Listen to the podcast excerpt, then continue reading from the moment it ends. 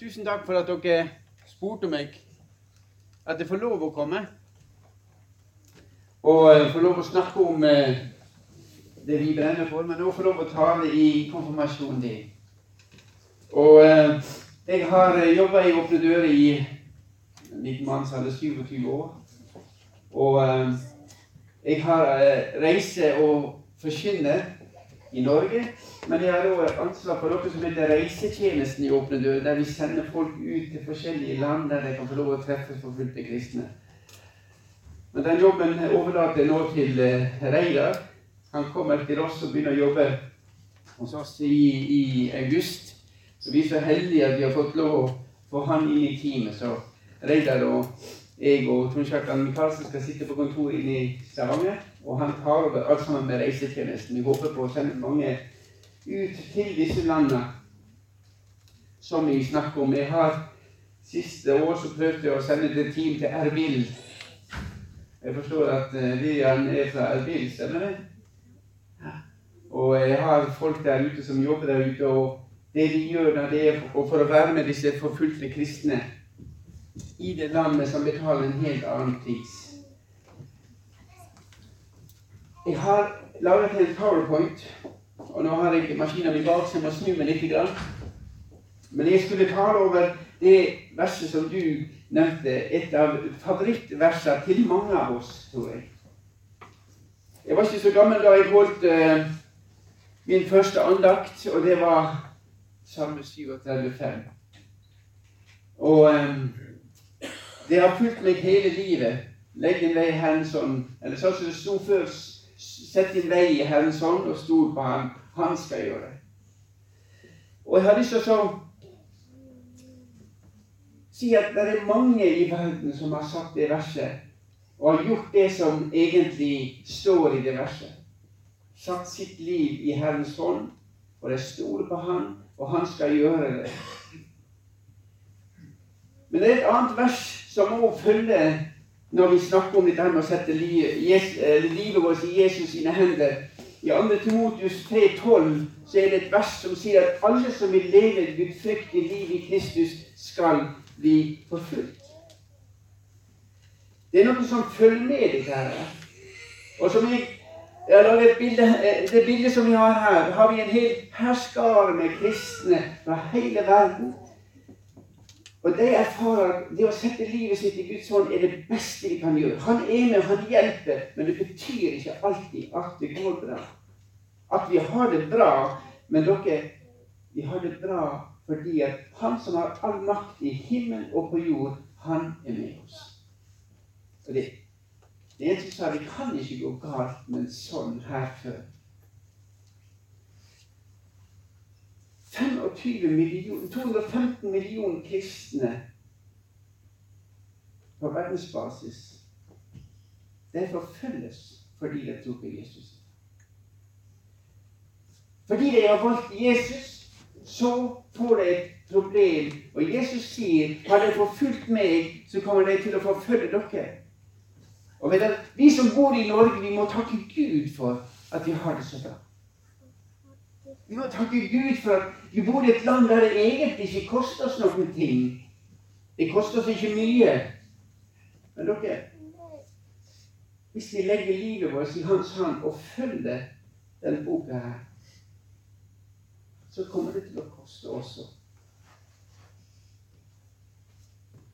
En som sa det, eh, Andreas Nordli, som er leder av Ungdom i oppdrag, han sa det i en avisartikkel eh, Det store spørsmålet i Norge i dag er ikke homofilispørsmål. Det store spørsmålet i Kristen-Norge i dag er hva er Bibelen for oss? Du har fått Bibelen i gave. Og det er en fantastisk gave. Men det kommer til å koste å følge.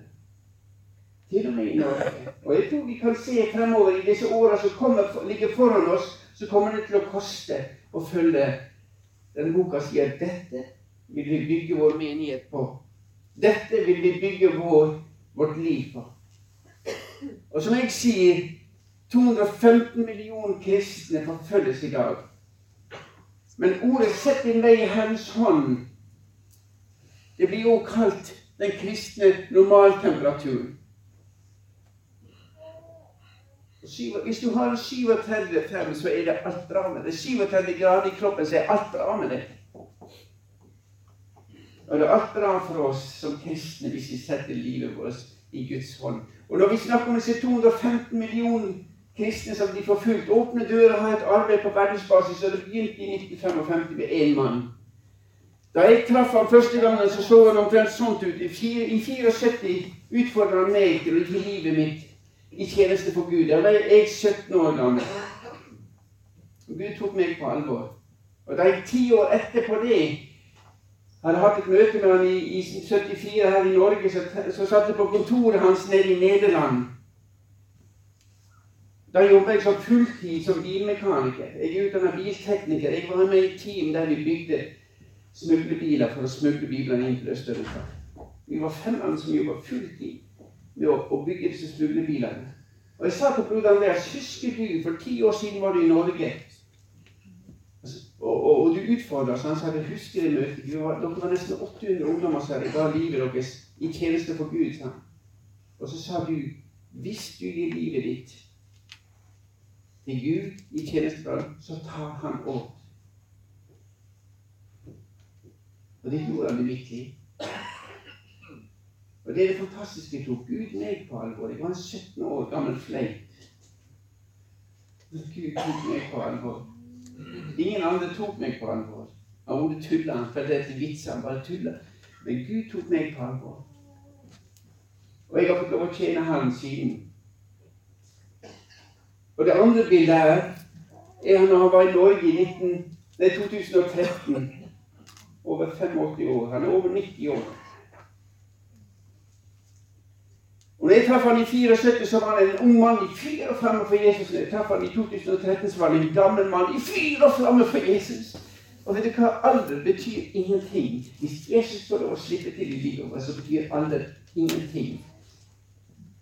Og Vårt mål er å styrke disse kristne brødrene og søstrene som bor over hele verden. Vårt mål er at de kristne skal få bli i Irak. Vet du, Verden gikk inn i Irak og sa at nå skal vi få Irak på rett, rett plass på rett kjøl. Og nå skal vi innføre vårt demokrati. Og vet dere hva, Når den vestlige verden gikk inn i Irak, så var det to millioner kristne. En million kristne i Irak. I dag, 13 år etterpå, eller 15 år etterpå, så er det 200 000 kristne igjen. Og Vårt mål er at de kristne skal få bli i det landet, slik at de kan få lov å være lys. Og dere, Vi kan ikke gå inn i et land med en hær for å forandre det landet. Hvis vi skal gå inn i et land og forandre det landet, så må vi gå inn med Guds ord. Er det Guds ord som kan forvandle hjertet, slik at tanken blir forandret. Og da blir landet forandret. Og det er vårt mål om at de kristne skal få, få lov å forbli det. Og Her har dere verdenskartet med de landene, de elleve første landene på lista vår. Nord-Korea ligger på toppen. Afghanistan, Sudan, Somalia, Pakistan, Libya, Irak, Jemen, India og Iran. Her har dere de landene hvor det er vanskeligst. Det er 50 land på denne lista, men vi jobber i over 70 land der kristne blir forfulgt. Nord-Korea ligger på topp for 16. gang. Av de 50 landene så er 35 muslimske land. Og så har jeg lyst til å si én ting. Dere må ikke gjøre den feil som mange kristne gjør i Norge. Å si islam og muslimer er det var en som kom til meg da jeg var nede i Slovakia. Det var der jeg talte på bibelskolen for nordmenn. En sånn bibelskole. Så kom det en flott kristen mann, en eldre mann bort til meg og sa han, Ole, vi må passe oss. For hva da, sa jeg? Om noen få år så vil Norge være islam, muslimsk, pga. alle muslimene som kommer til Norge. Og jeg bort Gud kunne gi meg et svar til den mannen. Og Gud ga det, så så vi på ham og sa det kommer an på deg og meg. Jeg kan ene du da, hvis vi presenterer Jesus for deg, så blir det flere kristne, sier Og vi blir ikke muslimer. Og det, dere, det er fantastisk å høre hvordan Norge mange plasser tar imot muslimene fordi de trenger å bli elsket av oss. Det er flott å se hva som skjer i Norge. Når, når mange av dem kommer. Men jeg vet om en utlending som kom til Norge. Han snakka med Pål Odé, som leder, leder IKF, altså Internasjonale kristne fellesskap i Stavanger. Pål han han er israeler. Han traff denne mannen, så begynte han å snakke med ham. Så begynte denne mannen å gråte. Så sier han du er den første nordmann som har invitert meg hjem på middag. Og du er ikke norsk. Og jeg tenkte på det, så tenkte jeg Gud lar ikke være slik at det er noen utlendinger i mitt område som går 20 år før noen inviterer hjem. Vi har fått Det lett å drive misjon i Afrika. Det er så lett å drive misjon der det er langt vekk fra meg når jeg kommer hjem til bygda vår. Hva da? Det er like mye misjon. Jesus har bedt oss gå ut. Vi har fått et oppdrag, og dere kommer til oss i åpne dører og sier at. Dere må komme og hjelpe oss til å forfulgte kristne. Sånn som eh, Jan, han fortalte om fra, eh, fra Somalia. Og jeg sier åpne dører. Vi jobber i land som er stengt. I Norge så er det norske kristne som har tatt ansvar. Dere må ta dere av det. Vi har mer enn nok å gjøre der ute. Men det er et norsk kristent ansvar å ta seg av disse som kommer. Sett din vei i hendene sånn og stol på ham. Så griper han inn. Du har valgt det verset, og det er det lureste du kan gjøre. Det er det beste valget du kan gjøre, å sette livet ditt i Guds hånd. Og vet du, Vi er på denne jorda her ja, alt ifra 70 til 90-100 år. Og det kan virke lenge, men dere, det er bare et sekund av evigheten. Men det sekundet av evigheten er det viktigste sekundet. For her skal du avgjøre hvor du skal. Det lille sekundet skal du avgjøre hvor du skal. Og ved å velge for Jesus og si at Gud, eller ved å velge for Gud Jeg setter mitt liv i din hånd, Gud, så har du valgt rett. Og faktum er at han har valgt deg før du har valgt ham. Og som jeg sa, det er den kristne normaltemperaturen. Og vi velger Gud, er alt rett i vårt hjerte. Fordi at alle mennesker er skapt i Guds bilde. De er skapt i Guds bilde. Og det er noe i vårt hjerte som roper til Gud. Samme hva religioner er, så er det noe som roper etter kontakten med Gud. Og jeg pleier å si det, at hvis ikke du har funnet Jesus, så er det noe som mangler i ditt liv. Noen venner meg som er ateister, blir rasende når jeg sier det. Hvordan kan du si at ikke jeg er et helt menneske? For jeg har brukt ordet du er ikke et helt menneske, for Gud har fått sin plass. Jo, fordi alle er skapt i Guds hjerte. Det er Guds bilde. Og han roper etter oss. Og det er fantastisk når vi gir et gjensvar og sier 'Jeg vil følge deg'. Det vi har valgt sammen med mange av disse andre.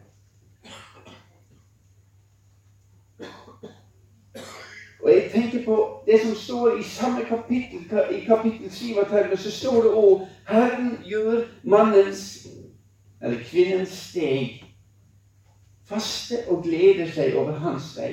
Når vi setter vårt liv i Guds hånd, så står det at Gud leder skrittene våre. Når vi er kristne, så handler det om å være i bevegelse. Det å ta et steg og si at 'jeg aner ikke hvor det leder, men jeg vil begynne' med ett steg. En god venn av meg sa at Ole, hvordan kan du finne ut hvordan Gud vil lede deg? Og Da var det en god venn av meg som sa at når det handler om ledelse, sa han, så sa han det er, det er som Da har jeg et bilde på en stor båt. Båten drives av indre krefter. Og så lenge båten er i bevegelse, så kan du styre den båten med et lite ror. Men hemmeligheten er å være i bevegelse. Hvis den båten stopper, så drives han av ytre krefter.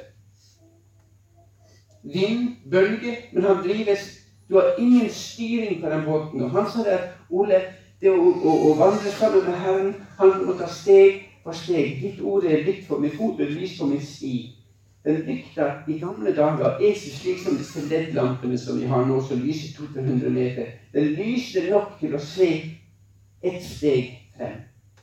Og du har tatt ett steg nå. Jeg aner ikke hvor det handler for deg. Men jeg vet én ting. Han vil lede hvert steg som du tar. Og jeg, tenker på Når jeg ser på det verset 37-23 at Herren gjør mannens eller kvinnens steg fast og gleder seg over hans vei, så tenker jeg på ei dame i Bibelen som var ei hedningkvinne. Ruth. Ruth var ei dame som valgte sånn som du. Fordi at hennes historie er at Nomi reiser til, eh, til Moab med mannen sin og to sønner. Så dør mannen. Guttene gifter seg med Orpa og Ruth. Og Ruth velger å følge Naomi hjem til Israel. Dit du går, dit vil jeg gå. Og hun velger å Når hun er sin Gud. Din Gud er min Gud. Hun velger Gud. Og så vet vi at Ruth blir med Naomi hjem. Og med en gang Naomi begynner å si at du må få tak i mat, så går hun ut på en åker. Og Den åkeren hun går ut på, det er Boas sin åker.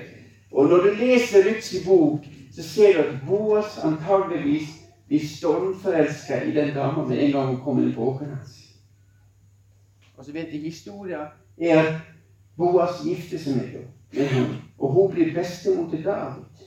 Ei hedningkvinne kommer inn og blir innlemma i kongerekka i, Israel.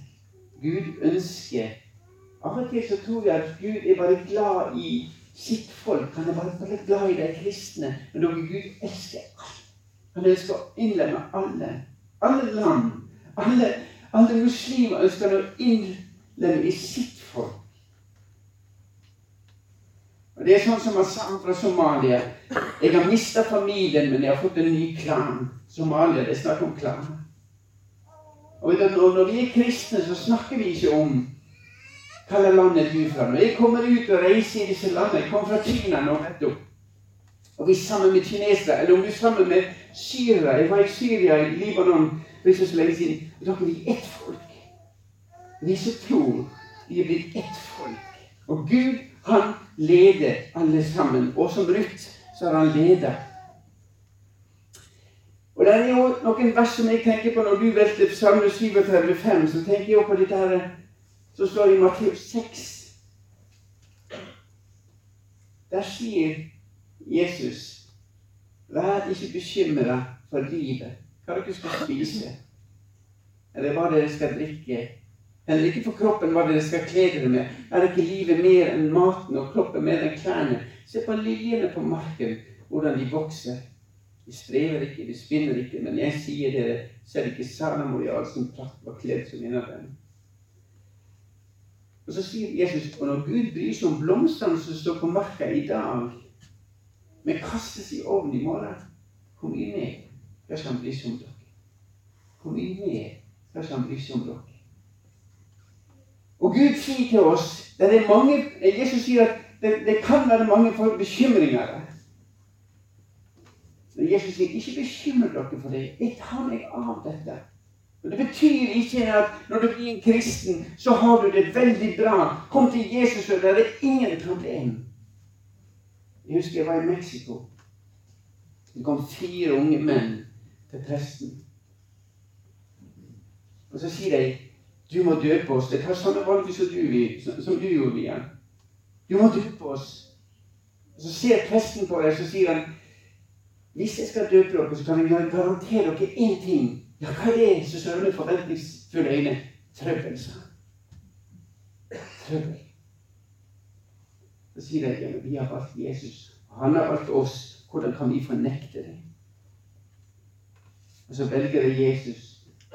Dagen etterpå så måtte vi sende ut en advokat, fordi da var det tatt. Av landsbyene var satt i fengsel og begynte å banke deg opp. Og vi hadde en advokat som jobba en hel dag for å få deg ut. Når jeg kommer ut med et smil, så sier de de har valgt Jesus, han har valgt oss. Det kan jo ikke gå galt. Og egentlig, når du tenker på det menneskelig sett, det går jo galt. Men det, ikke, det kan ikke gå galt, for vi har det beste. Jesus han har sagt det at midt oppi det som er vanskelig, og ikke bekymre dere for det, fordi at han sier 'søk først Guds rike og hans rettferdighet', så skal dere få det andre i tillegg. Jeg skal sørge for dere. Jeg skal ta meg av dere. Ikke bekymre dere for fremtida. Jeg er der, og dere, jeg har full kontroll. Tror dere på det? Tror dere at Gud har full kontroll? Jeg mista kona mi i 2008. Den første kona mi hun døde da. Og jeg glemmer aldri det Berit sa til meg. Hun fikk en kreftsykdom som gjorde at vi fra, fra, fra hun døde og til, nei, fra hun ble syk og til hun døde, da vi fikk vite sykdommen, gikk det fire måneder. Og hun sa til meg Ole, uansett hvordan det går, husk på én ting. Det var da at Gud har kontroll. Gud har kontroll. Jeg er helt dette med mange, og da blir det døde. Det kommer svigersønnen min, og så sier han Ole, jeg har et minnevers. Kan vi sette det i, i, i, i til Berit? Ja, hva det altså. Og så sa han det. Så På dødsannonsen til Berit så, står det, så sto det etter kort tids sykdom måtte kreften gi tapt. Og er helbredet for det. Og dere, for oss så løfter det opp på et helt nytt nivå. Gud har kontroll. Og han ønsker å få oss helt der. Helt der. Og for å hjelpe oss på veien, så har han gitt oss Guds ord. Det som du har valgt. Sett vei i Herrens hånd og stol på ham. Og dere, han har gitt oss ei oppskrift. Til de der. Og jeg skal avslutte det igjen med noe som står i Matteus 13. Og Det er en fantastisk lignelse. Jesus han kommer med mange lignelser her, og så sier han Himmelriket er også lik en kjøpmann som leter etter vakre perler. Da han fant en verdifull perle, gikk han bort solgte alt han eide, og kjøpte den. Jeg har hørt utlagt om at Jesus han er perla, og han er verdt at vi selger absolutt alt for å eie ham. Og det er sant. Jesus er den største perla som er. Men det Jesus egentlig sier her, er at det er han som er kjøpmann. Jesus han er kjøpmann, og han går ut og leter etter vakre perler, og når han har funnet ei Og det har han funnet i alle disse her som vi jobber med. De er perler. Vivian, du er perle i Guds. I Jesus sine øyne. Og han solgte alt for å få lov å si at du er min. Og jeg tror at vi skal huske, vi skal minne hverandre om at dere som er her Hver enkelt som har valgt Jesus.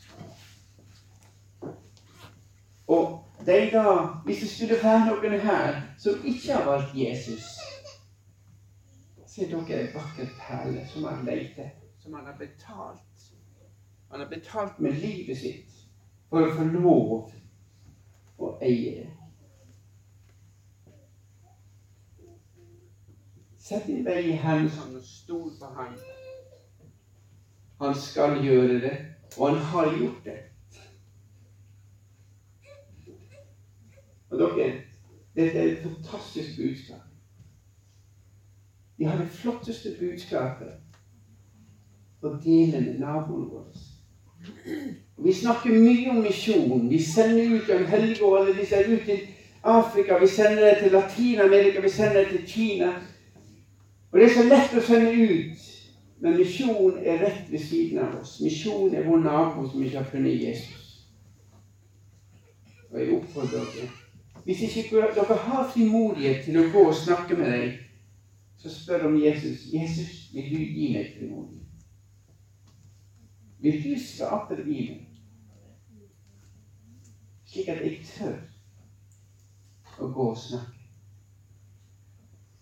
Jeg takker deg, Herre Jesus, for at vi kan få lov å feire at du har betalt for oss, og du har kjøpt oss. Takk at du sier at hvis vi søker deg og ditt rike, så skal vi få alt det andre til deg. Jesus, vil du hjelpe oss å stole på deg? Vil du hjelpe oss til å slippe deg til i livet vårt, slik at du får lov å skape forvandling hvis det må forvandling til? Så takker vi deg, Herre Far, for at vi kan få lov å be for Irak. Du ser oppi Erbil, Jesus, det er mange som måtte flykte fra byene rundt omkring. Og takk for at mange av dem kan reise tilbake, men vi ber for Irak. Vi ber Gud, la det få lov å De som er igjen av kristne, la det fortsette å være der og være et lys for deg. Vi ber om at Irak skal bli et land der mange mange får lov å komme til tro på deg. Velsign du hele Midtøsten. Velsign du våre brødre og søstre i Nord-Korea. Holde dine hender over deg. Og vi ber om rik velsignelse for Vivian, Vivian og hennes liv, Jesus. Vi ber for hennes familie. Takk, Gud, for at du er med deg, og at vi kan få lov å legge deg i dine hender. I Jesu navn. Amen. Jeg har lyst til å si at Vi har et lite blad som, som åpner dører. Det tar ikke ca. en halvtime å lese gjennom det. Jeg legger det eh, en blokk bak her, så skal dere skrive dere opp. Jeg vet at det er mange som har det. Og eh, dette bladet her handler om Irak og Syria. Det vi gjør i Irak og Syria. Og jeg takker for dere som er med og ber. Dere det hjelper kolossalt. Gud han hører bønn. Og jeg pleier å si til folk som sier at ja, men hvem er jeg som skal be? Så sier jeg ja, hvem er vi? Det kommer ikke an på den som ber, men det kommer an på den vi ber til. Og vi ber til en levende Gud. Og Vi har òg en bønnekalender som vi, som vi har, eh, som å følge med i, i bladet. Jeg har den liggende i, i min bibel, så jeg kan bruke den. Et bønneemne for hver hver dag. Dere, vil dere være med og forandre hverdagen for disse som tror?